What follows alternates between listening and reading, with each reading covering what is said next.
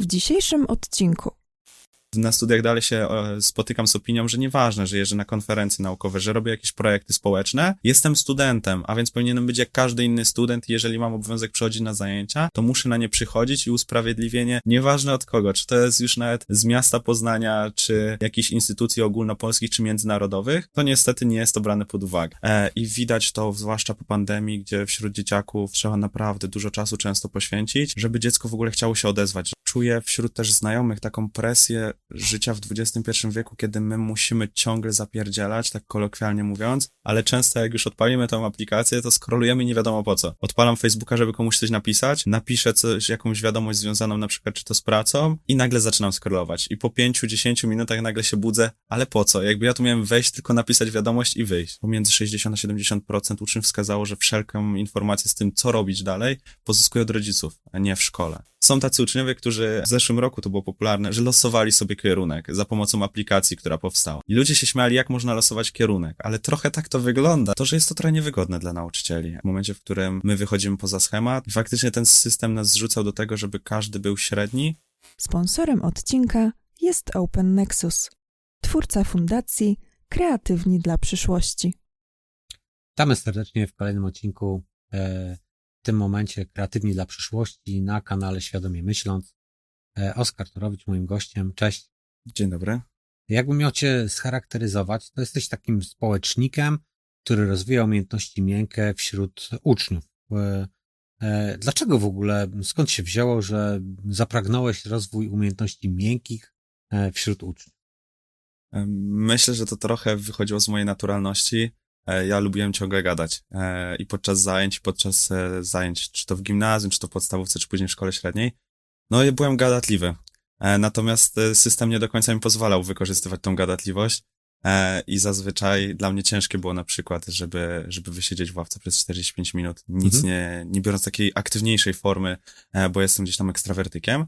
E, no i w momencie, gdzie w gimnazjum mi się pojawiła taka możliwość rozwijania tych kompetencji na początku za pomocą koła teatralnego, później właśnie pojawiły się debaty, którym teraz się poświęcam, no to zaczęło mnie to jarać, że ja mogę się wypowiadać na tematy, o których się uczę i dyskutować z kimś. I, i to była rzecz, którą, którą pokochałem już w gimnazjum i do, po dzień dzisiejszy jest to taka chyba moja mm, największa pasja, czyli właśnie dialog z drugim człowiekiem, ale taki, żeby sobie podyskutować i, i to można tak naprawdę z każdym, a niektórzy myślą, że nie można tak sobie z każdym podyskutować i że nie każdy może wypowiadać się na niektóre tematy, a przecież mhm. no właśnie o to chodzi, żeby żeby sobie z każdym na najróżniejsze tematy powymieniać się swoim e, podejściem, swoimi poglądami, czy swoją wiedzą merytoryczną. E, myślę, że w tym jest coś właśnie takiego, takiego super. Co, co, co się realizuje? E, w skrócie, lubię sobie pogadać, pruska szkoła ci to uniemożliwiała. Dokładnie. Więc poszukałeś sobie obszaru, w którym mógłbyś te, te umiejętności rozwinąć. dobra. A jak oceniasz w ogóle umiejętności miękkie wśród generacji pokolenia Z? Oj, wśród e, pokolenia Z to myślę, że jest to jeden z największych problemów, z którym mhm. będziemy się mierzyć. Mm, no bo tak naprawdę od wielu lat, e, kiedy już mamy gdzieś tam tą perspektywę automatyzacji, cyfryzacji, no to każdy mniej więcej zwraca uwagę, że na rynku pracy te kompetencje miękkie faktycznie będą czymś e, przydatnym i takim głównymi, mhm. głównymi umiejętnościami potrzebnymi. Natomiast po pandemii wśród tych najmłodszych te umiejętności nie dość, że miękkie są w coraz gorszym stanie, to jeszcze umiejętności społeczne, czyli te najbardziej podstawowe. E, I widać to zwłaszcza po pandemii, gdzie wśród dzieciaków trzeba naprawdę dużo czasu często poświęcić, żeby dziecko w ogóle chciało się odezwać, żeby chciało wziąć udział w zajęciach, bądź podzielić się jakąś swoją własną opinią, czy, e, czy swoimi przemyśleniami. E, więc no ja zauważam podczas zajęć, czy to od szkoły podstawowej, po nawet studentów, że jest coraz ciężej z tymi kompetencjami, coraz większą mamy barierę, żeby się wypowiedzieć, żeby wyrazić swoją opinię.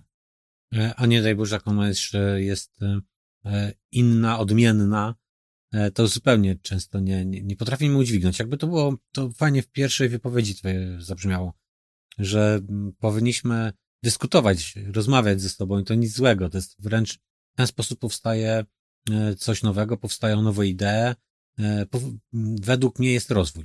Czyli jeżeli są różnice zdań, to w tym momencie możemy mówić o rozwoju, a my to odbieramy obecnie jako, jako coś konfliktowego, coś, to, czego trzeba unikać. Mm, Tak, mamy jakieś przeświadczenie, że nasza opinia musi być poprawna. Nie? Jakby nie, często nie dopuszczamy do siebie, że ktoś może mieć inne zdanie i tamto zdanie może się okazać e, poprawną opinią w tym temacie i gdzieś tam zamykamy się na to, a wydaje mi się, że właśnie tak jak przed chwilą wspomniałeś, ta rozmowa powoduje, że my wychodzimy poza swoją bańkę i w końcu dowiadujemy strefę się komfortu, nie? też strefę komfortu, ale też taką e, bańkę wiedzową, czy bańkę światopoglądową. Jeżeli ciągle żyjemy z jakimiś przeświadczeniami i nagle ktoś nam prezentuje inną perspektywę, to nagle może się okazać, okej, ten problem nie jest zero-jedynkowy, jest inna wizja na ten, na ten temat, nie? W Dokładnie. I, I nie zawsze nawet ktoś musi mieć rację, po prostu ktoś ma inny system wartości, ktoś ma inne priorytety, inaczej podchodzi do tego, trzeba to uszanować. Po prostu, że, że nie, nie zawsze różnice zdań wynikają z tego, że ktoś jeden mówi dobrze, drugi mówi źle. Po prostu inne mają priorytety, priorytety w życiu. Fajnie, że to, że to zauważasz. A nie uważasz właśnie, że pokolenie Z żyje w takiej bańce, mm, właśnie otoczone e, mediami społecznościowymi, one też filtrują nam e, informacje i tak naprawdę żyjemy w takim kokonie e, nieświadomości i nie wychodzimy poza, poza ten, to, tą sferę komfortu. Czy te właśnie potwierdzasz to, że, że to tak mniej więcej z twojej perspektywy wygląda? Tak, w bańce żyjemy. Nie wiem, czy to jest jedna, czy to jest e, bardzo wiele różnych baniek, natomiast mam wrażenie, że jesteśmy bardzo zagubieni e, przez ilość bodźców, które dostajemy. E, Dostajemy z najróżniejszych stron i tych informacji jest tyle z różnych, najróżniejszych źródeł, że ciężko nam jako człowiekowi chyba to wszystko filtrować, że jesteśmy trochę przytłoczeni tymi informacjami. Też mam takie Mhm. A co byś polecił pokoleniu Z, żeby właśnie zaczęło robić coś, czego nie robi, a coś, co by doprowadziło, że będą bardziej szczęśliwi? Jakby z twojej perspektywy, co byś im, e, co byś im doradził? Jako, jako całej na razie generacji. Myślę, że szukanie swojej pasji, e, bo czuję wśród też znajomych taką presję życia w XXI wieku, kiedy my musimy ciągle zapierdzielać, tak kolokwialnie mówiąc, musimy ciągle coś osiągać i ta, sam się też na tym złapałem, że osiągam, w sensie wymagam od siebie te, nie wiadomo jakich wielkich rzeczy. I nagle przychodzę w pewnym momencie i sobie uświadamiam, stary, masz 20 lat, jeszcze masz kupę czasu przed sobą, a już chciałbyś nie wiadomo co, co osiągać w tym, w tym młodym wieku, że za bardzo się spieszymy i trochę nie ma tego czasu, żeby zatrzymać się i zastanowić, co ja aktualnie robię, co mi właśnie sprawia tą przyjemność, bądź co ja chcę robić w przyszłości, tylko żyjemy w takim e, schemacie, e, no w takim kole, który cały czas się toczy i nie ma właśnie tego momentu na, na zatrzymanie, więc poleciłbym przede wszystkim chwilę czasami wziąć ten e, przystanek, e, zastanowić się, e, co mi najwięcej sprawia przyjemności i w tym kierunku dążyć, bo wydaje mi się, wiem, że też w szkole nie do końca jest tyle możliwości na to. Ktoś tam próbuje nam te skrzydła podcinać, ale jeżeli ja lubię sobie pograć w kosza bądź w siatę, no to fajnie by było, żeby ta osoba się w tym realizowała i faktycznie w ten sposób spędzała głównie czas, no bo kto wie, no ktoś mi powie, no, no nie, nie osiągniesz w tym znacznych celów, no ale kto wie tak naprawdę, dopóki nie spróbujemy, to się nie dowiemy. No a druga sprawa to pytanie, czy, czy ja mam coś robić, bo mi się opłaci, czy ja chcę coś robić, bo się w tym spełniam i faktycznie realizuję. Ja bym tutaj podkreślił to odnośnie czasu, bo tak często podkreślam, że nie mamy czasu. Nie, jeżeli ktoś nie ma czasu, to znaczy, że nie ma go dla ciebie. E, A jeżeli ktoś nie ma czasu dla siebie, no to, to zupełnie powinien przewartościować swoje życie, bo ten czas jest mm, wręcz e, pochłaniany. My w smartfonach spędzamy e, nie- nie- niekiedy kilka godzin e, dziennie, a ktoś mówi, że nie ma czasu. No To jest jakby coś mi tutaj nie, nie styka. Tak, no wymówka braku czasu to jest właśnie pierwszy, pierwszy aspekt, który powinien nam e, zapalić taką lampkę, jak ja hierarchizuję swój czas i na co go poświęcam nie? dokładnie, jak nim zarządzam. E, no bo wtedy dużo się dowiemy. Wystarczy włączyć sobie timer w telefonie, ile spędzam na social mediach i to już faktycznie wychodzi, bo to się wydaje, tu sobie obejrzę jednego TikToka, tu drugiego, ale często jak już odpalimy tą aplikację, to scrollujemy nie wiadomo po co. Często też się jeszcze łapię na to, że odpalam Facebooka, żeby komuś coś napisać, napiszę coś, jakąś wiadomość związaną na przykład czy to z pracą i nagle zaczynam scrollować. I po pięciu, dziesięciu minutach nagle się budzę, ale po co? Jakby ja tu miałem wejść, tylko napisać wiadomość i wyjść, nie? E, Ja mam e, podobne przemyślenia. Teraz w zasadzie zupełnie ograniczam ostatnio moje medium społecznościowe e, na LinkedInie, gdzie, gdzie wchodzę tylko w konkretnych celach, spędzam tam, nie wiem, dwie, trzy minuty dziennie, gdyż uznałem też, mimo że akurat to jest biznesowy portal, on też jest mi potrzebny, natomiast widzę, że ten czas nie jest pożytkowany efektywnie. i wciąga to jakby i to powoduje, że tak naprawdę spędzamy, znaczy firmom zależy na tym, żeby jeżeli wejdziesz, to żeby cię zatrzymać możliwie e, jak najdłużej, ale to my zarządzamy własnym życiem, dlatego fajnie, że to powiedziałeś, żeby faktycznie robić to, co, e, to, to, co sprawia nam radość, to, gdzie chcemy się rozwijać, nawet jeżeli szkoła nam tego nie, nie umożliwiła e, i nie poddawać się, prawda? Nie ma takiego wieku, w którym byśmy nie mogli zacząć realizować swoich pasji, nie? To nawet w wieku 50-60, nie wiem, twórca, nie wiem ile miał lat twórca KFC, ale chyba miał powyżej 60. Więc e, no, to pokazuje, że nie ma wieku, w którym nie jesteśmy w stanie realizować tego, e, co robimy. Oczywiście nie, nie zachęcam was, żebyście zakładali restaurację KFC. Chodzi o to, żeby, nie wiem, ktoś będzie sprzątał i będzie robić z pasji, to niech to robi. E, bo to będzie mu sprawiało przyjemność. Ktoś będzie, nie wiem, sprzedawał, moja córka kiedyś powiedziała, że w pewnym, w pewnym momencie powiedziała, wiesz, tato, ja to chyba chciałabym sprzedawać lody, nie? Ja mówię, no to super, córeczko. No najlepiej jakbyś jeszcze miała własną lodziarnię, byś się realizowała. No bo podstawowo to z reguły to jako rodzic powinienem odrzucić. No jak to? Nie chcesz być lekarzem, prawnikiem czy, czy kimś. Oczywiście, że już sobie odwidziała te, te lody, po prostu lubiła je, to przy okazji chciała tam pracować.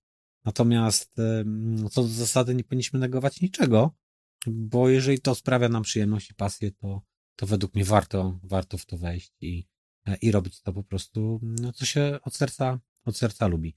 A wspomniałeś też o raporcie, o badaniu planów edukacyjnych e, i zawodowych młodzieży, e, e, który realizowała właśnie tutaj, był realizowany na terenie aglomeracji poznańskiej.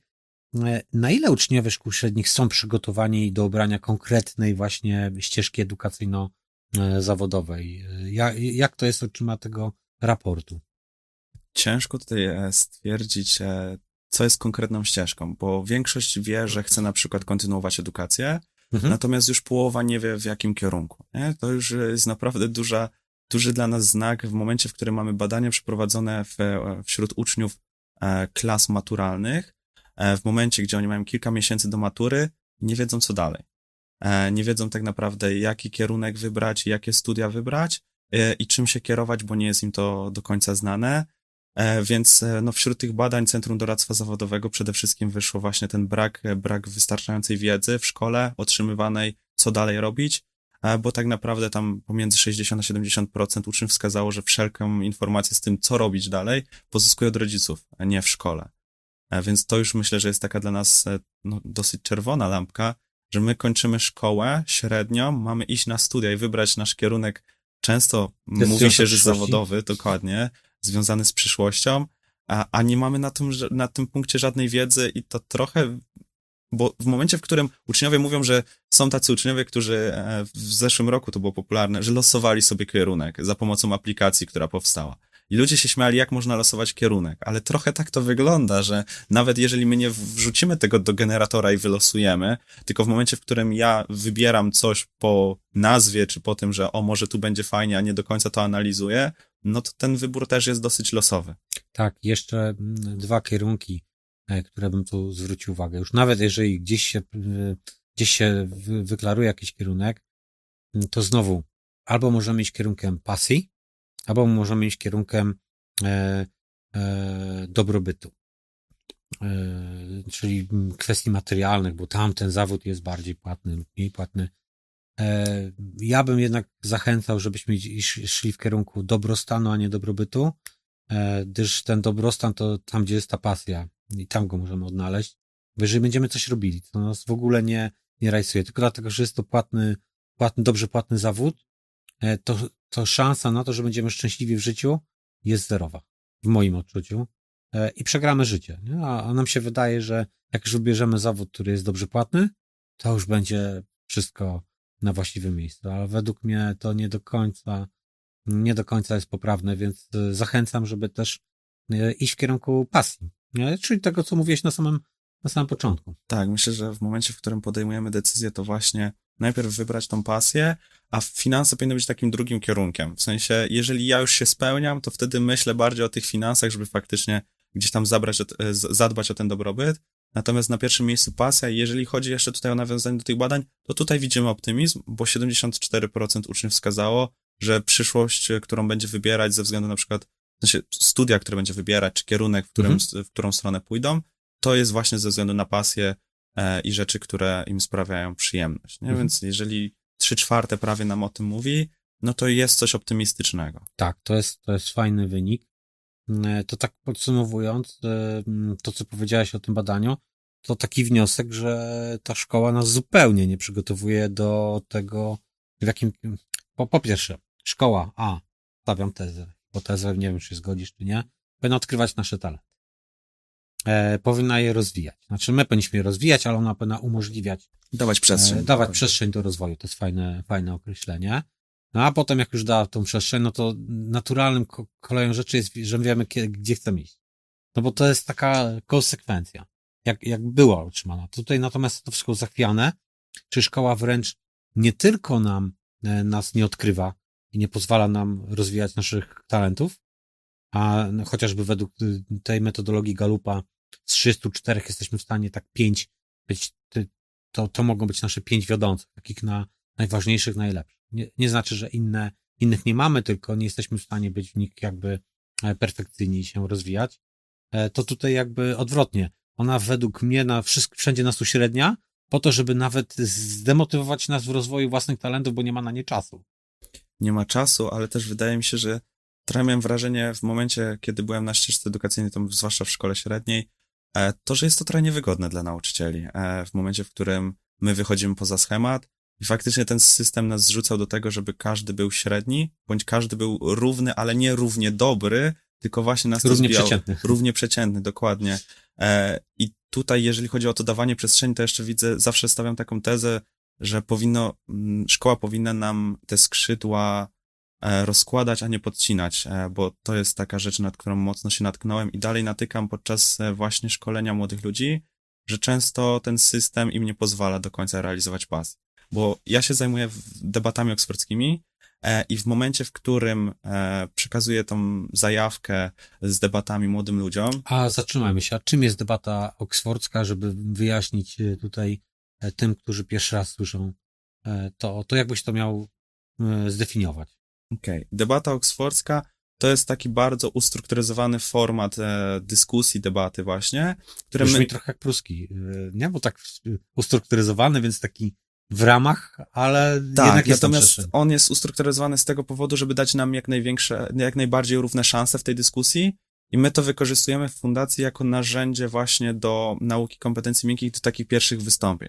E, Ponieważ w debacie oksfordzkiej każdy z nas ma swój czas, w którym może się wypowiadać, każdy ma tyle samo czasu. Jest to 4 bądź 5 minut.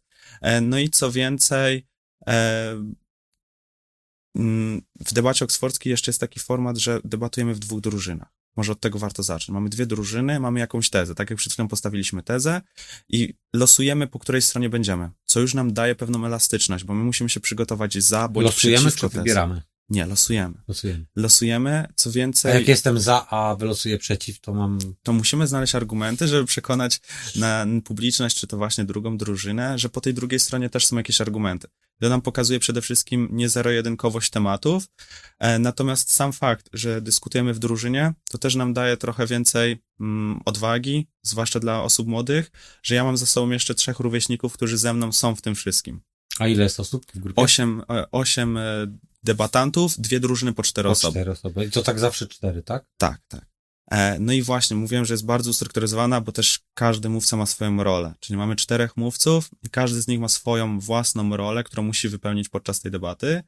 To jest trochę podobne do, do rozprawki, czyli pierwszy mówca będzie nas wprowadzał do tematu, drugi to będzie argumentacja, trzeci kontrargumentacja i czwarty będzie podsumowywał nam całą tą debatę. Ale, jeżeli jesteśmy na przykład przeciw jaki, jakiemuś problemowi, e, argumentacja i kontrargumentacja, czy jesteśmy za i przeciw od razu w tej w pierwszej grupie? Nie.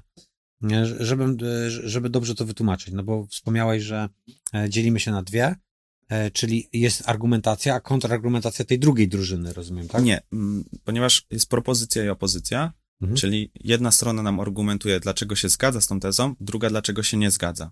A kontrargumentacja już polega na bezpośrednim odniesieniu się do drugiej drużyny, czyli do argumentów, które padły przez Rozumiem. drużyn- drugą Czyli ci za, e, znaczy odnosimy się do tych, którzy są za i kontrargumentujemy i odwrotnie, oni też się podnoszą i Dlaczego kontrargumentują. E, brzmi dobrze. Ja akurat nigdy nie uczestniczyłem. No, Czytałem tylko i wyłącznie o debatach oksfordzkich, nie uczestniczyłem. Może mnie nawet zachęciłeś, e, żeby takową mini zorganizować. Mamy teraz taki projekt, w którym by się e, to sprawdziło. To jest nowe. Super sprawa. My teraz e, coraz częściej też organizujemy debaty publiczne, więc też zachęcam e, do udziału e, i można właśnie poobserwować, bo to też moim zdaniem bardzo dużo nam daje chociaż udział ten pośredni. Będąc Mhm. na widowni, wychodzimy właśnie poza te bańki, bo już słyszymy dwie różne perspektywy i tutaj już spełniamy ten cel, o którym mówiliśmy na samym początku rozmowy, że ja widzę już co najmniej dwie perspektywy, a często w debacie tych perspektyw jest trochę więcej na dany problem. E, I to, co jest, e, myślę, że najbardziej przydatne dla publiczności, to to, że po takiej debacie często nawołuje nas to do refleksji. Zaczynamy się zastanawiać nad tym tematem, a my też, jeżeli już chodzi o bardziej zgłębienie tematu debat oksfordzkich, bo tu oczywiście debatujemy zazwyczaj na tematy, które nie są e, dostępne w szkole, czyli chcemy poszerzać jednocześnie wiedzę oraz rozwijać kompetencje miękkie. Natomiast my realizujemy w Poznaniu taki projekt, jakim jest Poznańska Liga Debat i tam 25 szkół co miesiąc spotyka się, żeby ze sobą debatować. E, I tam wybieramy stricte tematy związane z lokalnym, ze społeczeństwem lokalnym, więc oni też poznają świat, który ich otacza, tak? To, że oni chodzą do szkoły, to nie tylko fakt, że oni chodzą do szkoły poznańskiej, ale też poznają bardziej, jakie są tutaj problemy, e, jak wygląda na przykład planowanie przestrzenne, czy jak wyglądała historia Poznania, e, czy to na przykład jakieś tematy związane z edukacją. I ja akurat, jeżeli chodzi o edukację, to w styczniu mieliśmy rundę na Wydziale Studiów Edukacyjnych. No i uczniowie na przykład dyskutowali na temat tego, czy system zachowania e, oceniania, w sensie system oceny zachowania w szkołach e, przynosi więcej szkód czy korzyści. E, więc tutaj mogliśmy sobie porównać, jak on wygląda, do czego nas tak naprawdę, czy motywuje, czy właśnie bardziej sankcjonuje i jak on wygląda. A, a jak można się przyłączyć do takiej debaty? Bo wspomniałeś, że można, y, osoby z zewnątrz mogą. Tak, n- jeżeli chodzi o po prostu, żeby przyjść na publiczność, to można jak najbardziej po prostu przyjść, to są wydarzenia publiczne, e, bo my to... Ale gdzie przeczytać o tym? Okej, gdzie przeczytać? To przede wszystkim e, Fundacja Projekty Edukacyjne, to jest fundacja, w której ja się Umieścimy link y, w opisie. Tak. Mhm. E, My działamy ogólnopolsko, natomiast przede wszystkim e, najwięcej działań mamy właśnie wielkopolskie, kujawsko-pomorskie, Mazowsze czy Śląsk. Mm, Natomiast e, jeżeli chodzi o inne jeszcze wydarzenia, no to myślę, że tutaj celować właśnie w wyszukiwanie po prostu debata publiczna czy debata oksfordzka, to może gdzieś nas nakieruje, natomiast na naszym fanpage'u na pewno będzie najwięcej tych, e, tych treści. E, No i wystarczy przyjść. To, to jest po prostu, gdy słyszymy, że jest coś takiego, wstęp jest zawsze wolny, to też jest fajne dla uniwersytetów, bo na przykład Poznańska Liga Debat dzieje się na wydziałach poznańskich uniwersytetów, więc dla, e, dla e, koordynatorów wydziałowych to też jest zawsze fajnie, kiedy tej publiki trochę przyjdzie więcej, e, kiedy zobaczą. No i to też jest jeszcze większe wyzwanie dla młodzieży, że nie występują tylko już przed rówieśnikami, ale jeszcze przychodzą osoby, osoby z zewnątrz. Uważasz, że właśnie to najbardziej rozwija umiejętności miękkie, albo to może nie najbardziej, to przyczynia się do, do rozwoju umiejętności miękkich? Mm, Myślę, że e, debata oksfordzka może nie jest najbardziej efektywnym e, sposobem, bo ciężko mi stwierdzić, co jest najbardziej efektywne. Właśnie, Natomiast bo to było źle postawione pytanie było, ale czy rozwija?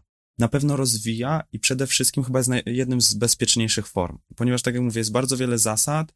Mamy marszałka debaty, to osoba, która prowadzi tą debatę, jest odpowiedzialna za to, żeby nie przeszkadzać sobie w trakcie mów, żeby nie było aroganckich stwierdzeń bądź bezpośrednich odniesień. Czyli to też nas uczy takiej bezpiecznej rozmowy i to są takie bezpieczne warunki, Mhm. w których my możemy się kształcić i rozwijać. Bo jeżeli ja mam 4 minuty na mowę i wykorzystam minutę, to debata to nie jest miejsce, że ktoś mnie wyśmieje, że powiedziałem tylko minutę, e, bądź jeżeli ja wyrażę swoją opinię, która jest dosyć kontrowersyjna, to druga osoba będzie się sprzeczać z tą opinią, ale nie z moim podejściem, bo to stawia przede wszystkim debata oksfordzka, że ma być e, to dyskusja postawiona na szacunku. To ma być pryncypium, e, jeżeli chodzi o wartości debaty oksfordzkiej, czyli rozmowa z szacunkiem Polityczne się nie nadają na to. Jeżeli zależy, zależy co mamy na, na, tem, na myśli, jeżeli chodzi o polityczne, bo młodzi ludzie potrafią dyskutować na tematy polityczne z, z szacunkiem. Wiadomo, ze względu na to, że to też są emocje i jest rywalizacja, często, może nie często, ale czasami trzeba e, uważać na to i zwracać uwagę e, młodym ludziom, żeby uważali jednak, jak dobierają słowa. E, natomiast wydaje mi się, że mm, rozumie, rozumieją e, tą, tą wagę dyskusji z, z szacunkiem. I też to jest ciekawe, kiedy prowadzę właśnie warsztaty z wystąpień publicznych i rozmawiamy, jaki możemy tutaj wyznaczyć autorytet, jeżeli chodzi o, o osobę, która występuje publicznie, to młodzież coraz częściej zwraca uwagę, że ciężko taki autorytet ze względu na to, jak ta dyskusja publiczna wygląda. E, zwracają uwagę przede wszystkim na ten natłok e, arogancji i agresywności, jeżeli chodzi o e, konfrontację słowną. Mhm.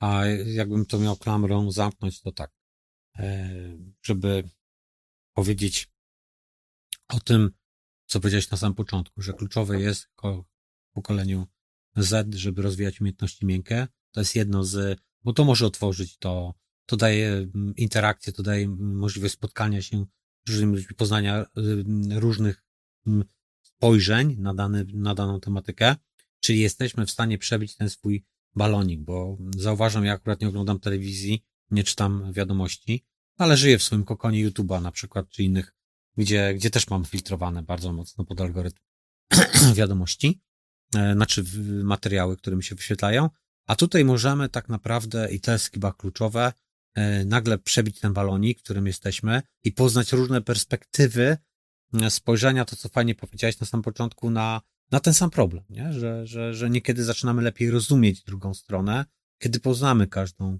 e, każdą, każdą perspektywę. Chyba te, tego nam bardzo brakuje w dzisiejszym świecie.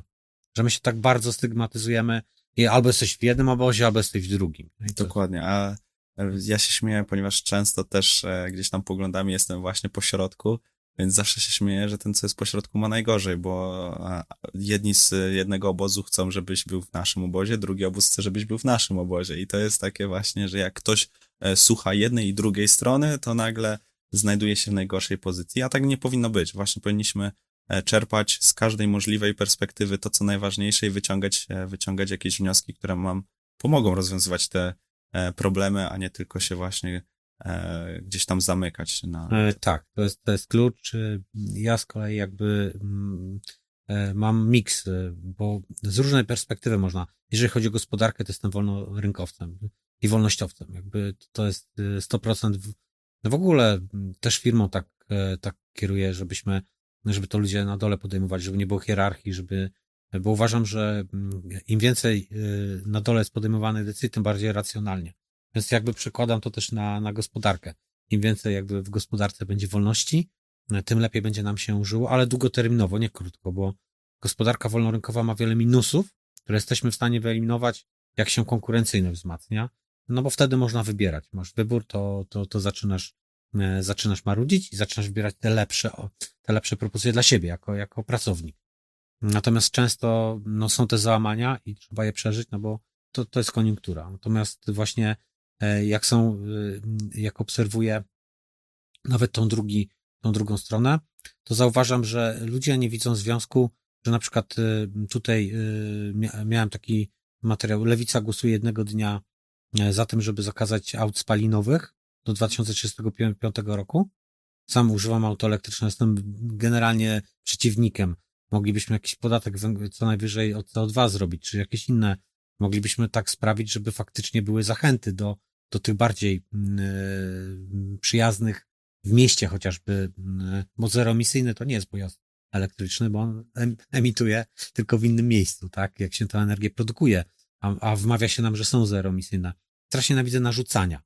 E, I, I widzę brak zależności, no bo z jednej strony głosujemy przeciwko e, autom spalinowym, a chwilę później widzę, że jest, mm, e, jest jakaś w Gliwicach chyba chcą ograniczyć produkcję aut spalinowych e, i ta sama lewica protestuje przeciwko ograniczeniu aut spalinowych. To nie rozumiem właściwie, jak można głosować za czymś w Unii Europejskiej i nie przełożyć tego na nasz rynek, że to spowoduje, nie wiem, czy nie jedzenie mięsa, sam nie jem mięsa, a nienawidziłbym, jakbyśmy zmuszali do tego siłą innych.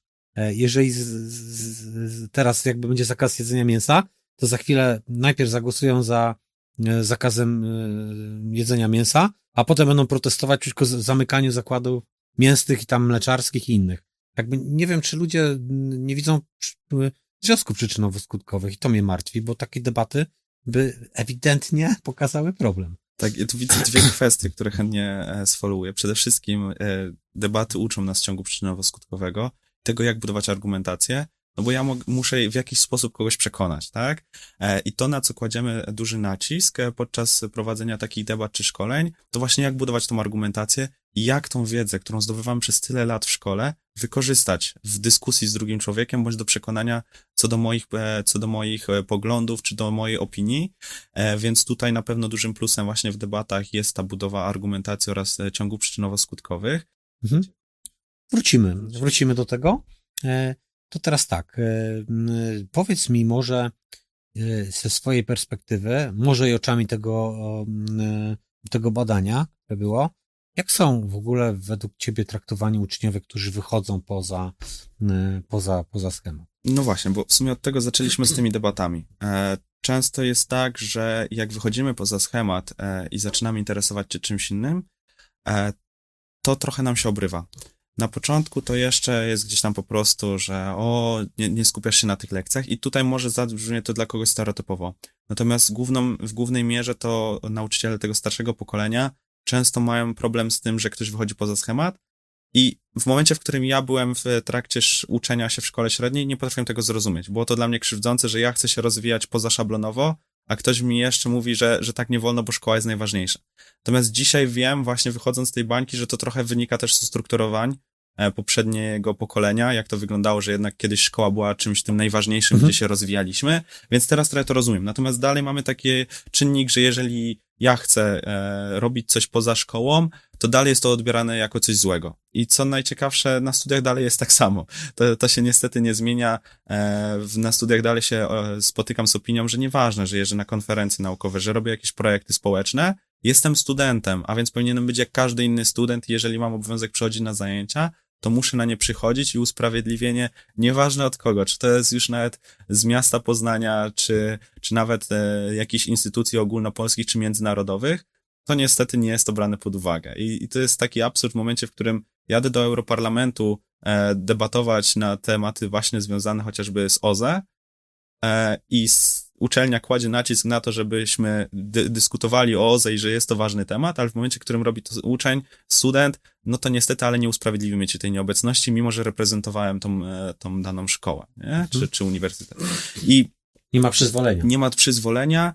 E, I właśnie takim zjawiskiem, które coraz częściej spotykam, to są jakieś dziwne kary, które wymyślają nauczyciele. W momencie, w którym uczeń e, chodzi na debaty i niestety no omija, faktycznie omija część zajęć, no bo ciężko nie omijać systemu, który jest prawie jak pełen etat, e, że od rana do wieczora siedzimy w tej szkole, no to w momencie, w którym on omija i się rozwija po prostu gdzie indziej i może bardziej efektywnie, to dalej robisz to nie w szkole, więc to jest coś złego.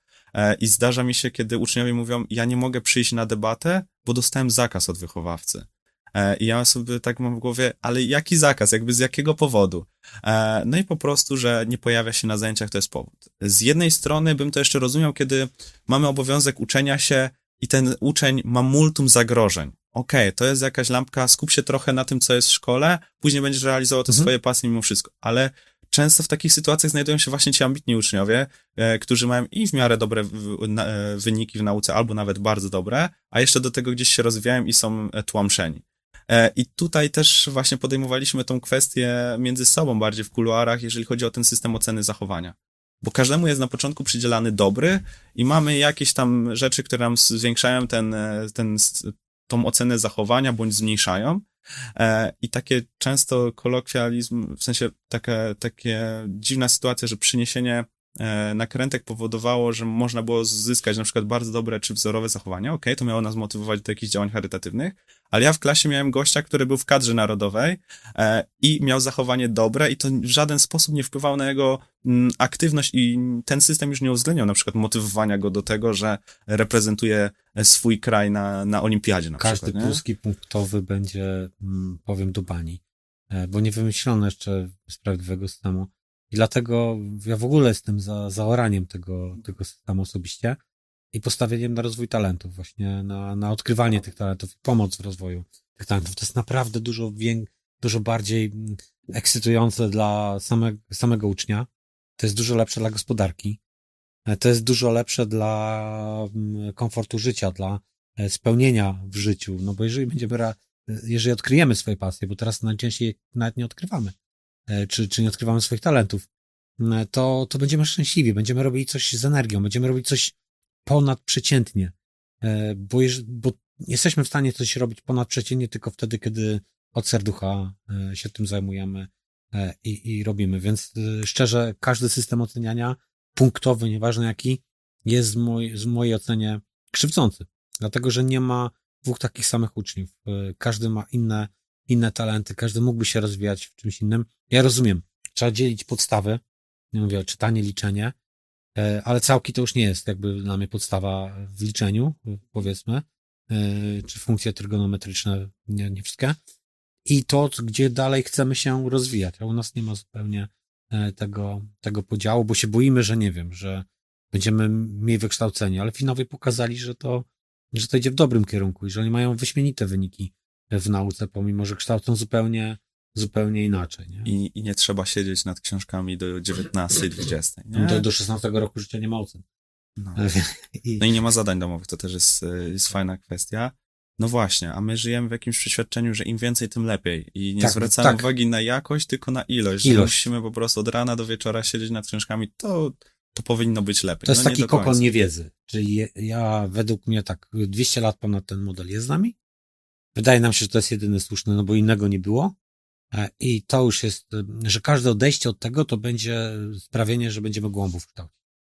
E, takie jest przeświadczenie moim zdaniem. Taką hipotezę bym postawił badawczą, jakbym, jakbym rozpoczynał. I wśród rządzących, i wśród e, Ministerstwa Edukacji. Jak już, ja pierwsze to bym ze, z otwartością bym rozwiązał Ministerstwo Edukacji Narodowej, bo generalnie jest niepotrzebnym tworem e, i tylko będzie przeszkadzało w reformie. Ja wiem, to są już jakby skrajne, ale ja bym się odważył na, na taki ruch, dlatego że w mojej ocenie jakby nic nie wnosi w, te, w ten model, a wręcz odwrotnie. On, on stygmatyzuje ten model taki pruski i go utrwala.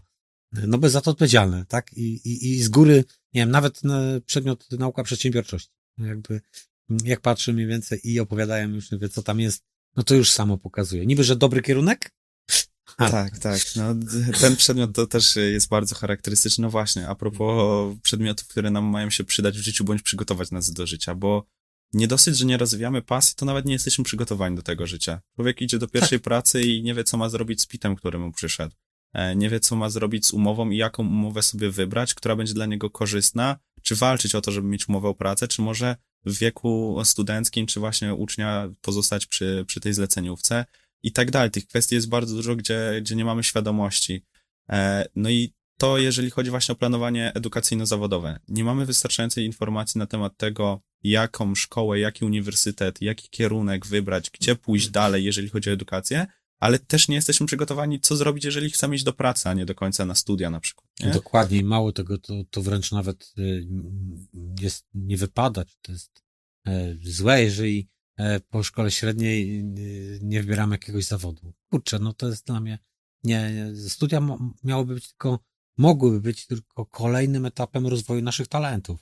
Jeżeli widzimy, że rozwiniemy je, to jak najbardziej, bo zachęcam oczywiście, bo, bo nauka też kształci, ale mądra nauka, nie jakby ZZZ, e, bo to nie jest, to nie jest mądra nauka, czyli zakuć, zdaj, za, zakuć, zdać, zapomnieć.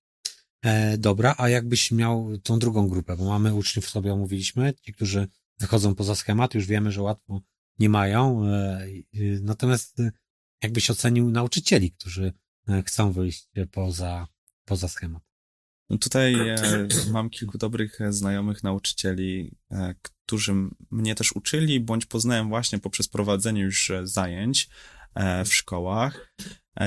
Ci nauczyciele, co teraz są w wieku takim powiedzmy 30-30 kilka, którzy często wychodzą właśnie z jakąś młodą energią i chcą e, po prostu zrobić coś świeżego, coś nowego, no też spotykają się z licznymi problemami. Bo ja mam świetny przykład mojego nauczyciela e, od historii, z którym działałem wszelkie projekty społeczne i też właśnie udało mi się przekazać mu tą zajawkę do debat i sam teraz realizuję w szkole średniej debaty.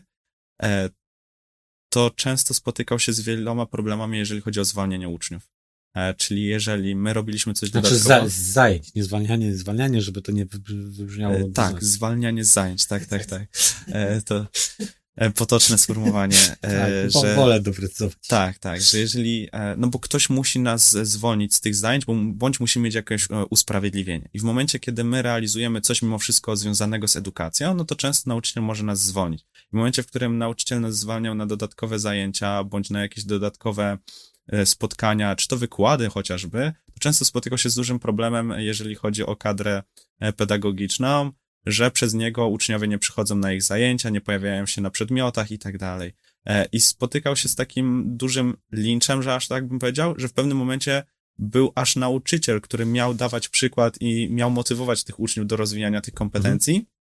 Sam stał pod ścianą i był na takim momencie zawahania, czy ja jestem w stanie dalej prowadzić koło debatanckie, samorząd e, uczniowski i te, e, i te, te kwestie, które właśnie powodują zwolnianie, zwalnianie, bo tak czuł się przytłoczony resztą kadry pedagogicznej. I E, często wydaje mi się, że właśnie młodzi nauczyciele przychodzą z pewną wizją swoją, którą mhm. chcą realizować, ale bardzo szybko ona się wypala. No bo przede wszystkim, po pierwsze, że sam, sama wchodzą praca... Ten model, wchodzą w ten model i nagle... Tak, no nie dosyć, że, że praca nie jest najwygodniejsza i warunki pracy nie są najlepsze. Jeżeli będzie nauczyciel... Dokładnie. No i to, ile jest tych zajęć i że no, prawie chyba 60% około nauczycieli prowadzi więcej niż jeden przedmiot. Nie? To też jest e, du duży problem. E, to jeszcze to przytłoczenie starszej kadry powoduje, że oni też się szybko wypalają, a to właśnie ci nauczyciele byli największym motywatorem dla młodych uczniów, w sensie dla uczniów, e, żeby działać coś pozaschematowo. E, I to jest takie błędne koło, które się toczy. Chce uczeń wyjść poza schemat, ma swojego nauczyciela e, ulubionego, który go w tym wspiera e, i motywuje. No i obydwóm się dostaje po głowie. E, za co? Za to, że obydwoje chcą wychodzić poza schemat i chcą robić coś większego, coś nowego e, no i mają tą odwagę, żeby wyjść. Dokładnie. To, to jest jakby niewskazane. Tam musimy być zgodnie e, z pewnym schematem i w niego się pasować, dostać ocenę na końcu i jest, jest spoko. Jak nie ma tego, to, to jest już e, tak, tak, no bo e, wiesz, e, trudno ocenić umiejętności miękkie. I teraz weź oceniaj, bo szkoła polska by poszła, jakbyśmy tylko reformowali ją bez zmiany w ogóle całego systemu. E, to nie daj Boże wprowadzamy, minister Czarnek teraz nakazuje kształcenie umiejętności miękkich i nie daj Boże ktoś padnie na pomysł, żeby to oceniać. I będziesz oceniany jeszcze z umiejętności miękkich w tym momencie, no i zupełnie zabije się jakby kształcenie umiejętności miękkich. Tak działa pruski, e, tak nawet, działa model. Nawet już mamy taką lekką formę oceny kompetencji miękkich, czyli odpowiedzi ustne. I to jest chyba jeden z głównych powodów, dlaczego ludzie boją się później e, wypowiadać e, i dzielić się swoją wiedzą, no bo w momencie, w którym my jesteśmy odpytywani ustnie, to nie dosyć, że jesteśmy... I publicznie często też przy tak, klasie. Tak, bo, bo to też ważne zaznaczenia. Jeżeli jesteśmy przed klasą, która liczy 30 osób, to, to już jest niezłe wystąpienie publiczne. Przecież tak. takie są szkolenia prowadzone dla takich grup. E, więc w momencie, w którym my wychodzimy na środek i mamy dzielić się swoją wiedzą, to już ten sam stres nas pochłania. I nagle to nie jest ocena naszych kompetencji, tylko tego, jak bardzo stres był paraliżujący i ile mogliśmy go zwalczyć. E, więc moim zdaniem takie, takie odpowiedzi ustne, bądź takie właśnie dyskusje, które nas e, motywują do wypowiadania się, powinny być, ale nie jeszcze dodatkowo oceniane, bo to jest tak. kolejny czynnik, no. dlaczego e, uczeń po prostu boi się wypowiadać, a to nie do końca o to chodzi. Dokładnie, dokładnie tak. Powinny być aktywizujące, powinno być dużo zajęć, jak sobie radzić ze stresem innych, przykładów też, e, jak możemy sobie poradzić w danej sytuacji, ale na pewno nie powinniśmy tego jeszcze dodatkowo oceniać. Plus powinien być wybór dla uczniów. W dobrej szkole, takiej, która nastawia na, na, na uczniów, on sobie w pewnym momencie wybiera, jaką formę odpowiedzi preferuje, czy pisemną, ustną, czy nie. Każdy i tak prędzej czy później będzie miał tą ustną, ale dojdzie do tego takim swoją naturalną, e, naturalną e, metodą, jakby najbliższą jemu, e, jego profilowi w tym momencie. No dobra, to tak na koniec. Czy znasz jeszcze jakieś projekty takie pozaszkolne, poza tymi debatami oksfordzkimi, które mógłbyś polecić, które moglibyśmy naszym słuchaczom, widzom zaproponować? Nie wiem, czy mam jakieś takie poszczególne, które już bym tutaj od razu na stół e, wykładał. Natomiast na pewno bym zachęcał do, do poszukiwania, czy to wśród szkoły, czy, czy właśnie wśród organizacji pozarządowych, bo często boimy się za, w sensie boimy się wziąć udział w jakichś działaniach, e, właśnie, czy to organizacji pozarządowych, czy, czy społecznych, a to jest pierwszy krok do tego, żeby się realizować, no są debaty oksfordzkie, jest sport, który też jest ważną kwestią moim zdaniem, jeżeli chodzi o zajęcia dodatkowe. Natomiast mamy wiele takich działań, które są na przykład, jest Młodzieżowa Rada w wielu miastach, e, gdzie można się na przykład e, też podjąć takiego działania, czyli dołączyć do, do Młodzieżowej Rady jako reprezentant jakiejś społeczności. Wiadomo, to jest bardziej dla osób liderskich, natomiast takie też grupy tworzą wszelkiego rodzaju wydarzenia. Czy to różne kongresy, E, czy mm, różne wolontariaty, to też jest super kwestia, w której my możemy się e, jak najbardziej rozwijać.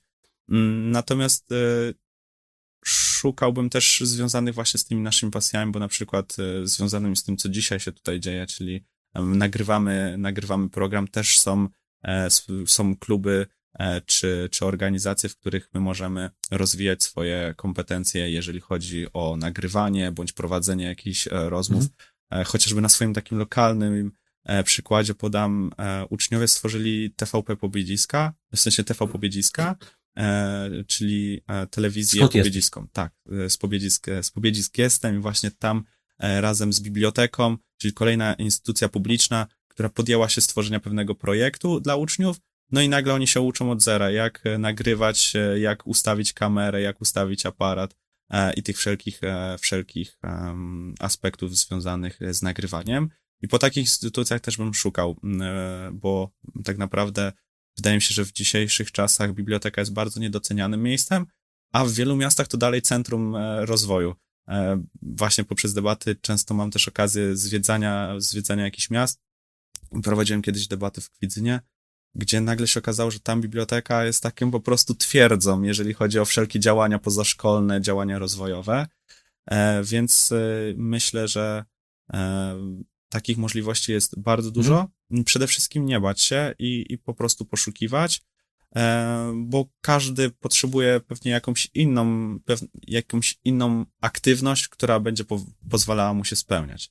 E, więc e, ja teraz w głowie, że tak powiem, nie mam mhm. idealnej. E, Ale idealnej. pokazujesz kierunki. Tak, natomiast kierunków jest, jest, jest bardzo dużo i wystarczy tak naprawdę szukać. Mam świadomość, że w mniejszych miastach tego jest trochę mniej, natomiast też nie bałbym się właśnie tworzyć coś swojego, bo to jest rzecz, która najlepiej tworzy rzeczy, które odpowiadają nam potrzeby. Jeżeli ja nie mam miejsca, w którym mogę się realizować, to możemy podjąć się stworzenia czegoś takiego. Wiadomo, to jest bardzo ciężkie, natomiast e, podpytać, czy jest coś takiego możliwego, czy możemy to zrealizować na przykład w bibliotece i zrobić na przykład jakieś spotkanie chociażby z kimś, kto nam powie trochę więcej o tej przedsiębiorczości, która była wcześniej wspomniana, e, niż, e, niż to, co się dowiemy na zajęciach. Bo mhm. też jest bardzo wiele takich inicjatyw przez młodych ludzi prowadzona, e, przez studentów, czy chociażby projekty ze zwolnionych z teorii, gdzie uczniowie szkół średnich tworzą bardzo merytoryczne projekty, e, czy to właśnie dla społeczności lokalnej, czy ogólnopolskie. Więc takich projektów, gdzie możemy kogoś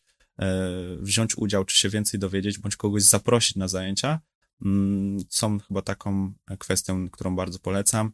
I tutaj bym nawiązał właśnie do wykorzystywania tych godzin wychowawczych, bo uważam, że jeżeli chodzi o ten system, to to jest jeszcze kolejna sprawa bardzo niewykorzystana, a zaproszenie takiego gościa, kogoś, e, kto poprowadzi zajęcia, to też taka, myślę, podpowiedź dla nauczycieli, że to jest kwestia, gdzie możemy zachować taką zasadę win-win. Ktoś poprowadzi zajęcia podczas godziny wychowawczej, a uczniowie dowiedzą się czegoś nowego, bo wydaje mi się, że aktualnie tej godziny lekcyjnej nie gospodarujemy wcale. To jest jakaś tak. E, wolna chwila, pogadanka, ale, ale nie do końca. Sam osobiście byłem na takich zajęciach e, w szkole mojej córki w siódmej klasie i nawet się miło mi zrobiło, bo, bo klasa odpowiedziała, że chciałaby jeszcze. Więc jest potrzeba, ale to nie chodzi o to, żeby jeden rodzic jeszcze, tylko żebyśmy generalnie ściągali osoby, które chciałyby o jakimś temacie powiedzieć. Niby, że rozmawiałem o przedsiębiorczości, jak założyć firmę, ale się okazało, że już dwie osoby myślą, bo jednak te studio tatuażu, drugi chce być rolnikiem e, i, i jakby zaczęła się dyskusja i to jest właśnie to, że to może zainspirować tych pozostałych do tego, że faktycznie E, że faktycznie oni coś tam e, będą podążali w danym kierunku, e, bo chociażby można zarabiać na, być, będąc youtuberem, tiktokerem, nowoczesne zawody, jakie to mówię, bliższe tej, tej młodemu pokoleniu, ale generalnie chodzi o to, żeby poszukiwać różnych, różnych rzeczy, spotykać się z wieloma ludźmi, faktycznie te godziny wychowawcze mogły być tak wykorzystane. Bardzo dziękuję za ten wywiad.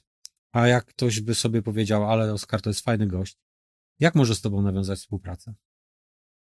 Tak naprawdę myślę, że najłatwiej skontaktować się przez social media. Mhm. Umieścimy link w opisie. Tak, a, no albo przez y, stronę fundacji. Ja bardzo e, biegle działam właśnie w fundacji. To nazwa fundacji jeszcze. Projekty edukacyjne. Projekty Czyli edukacyjne. wszystko, co związane e, właśnie z, z edukacją. No mówię, skupiamy się na tych kompetencjach miękkich, ale no, m, płaszczyzny do współpracy jest, jest naprawdę dużo.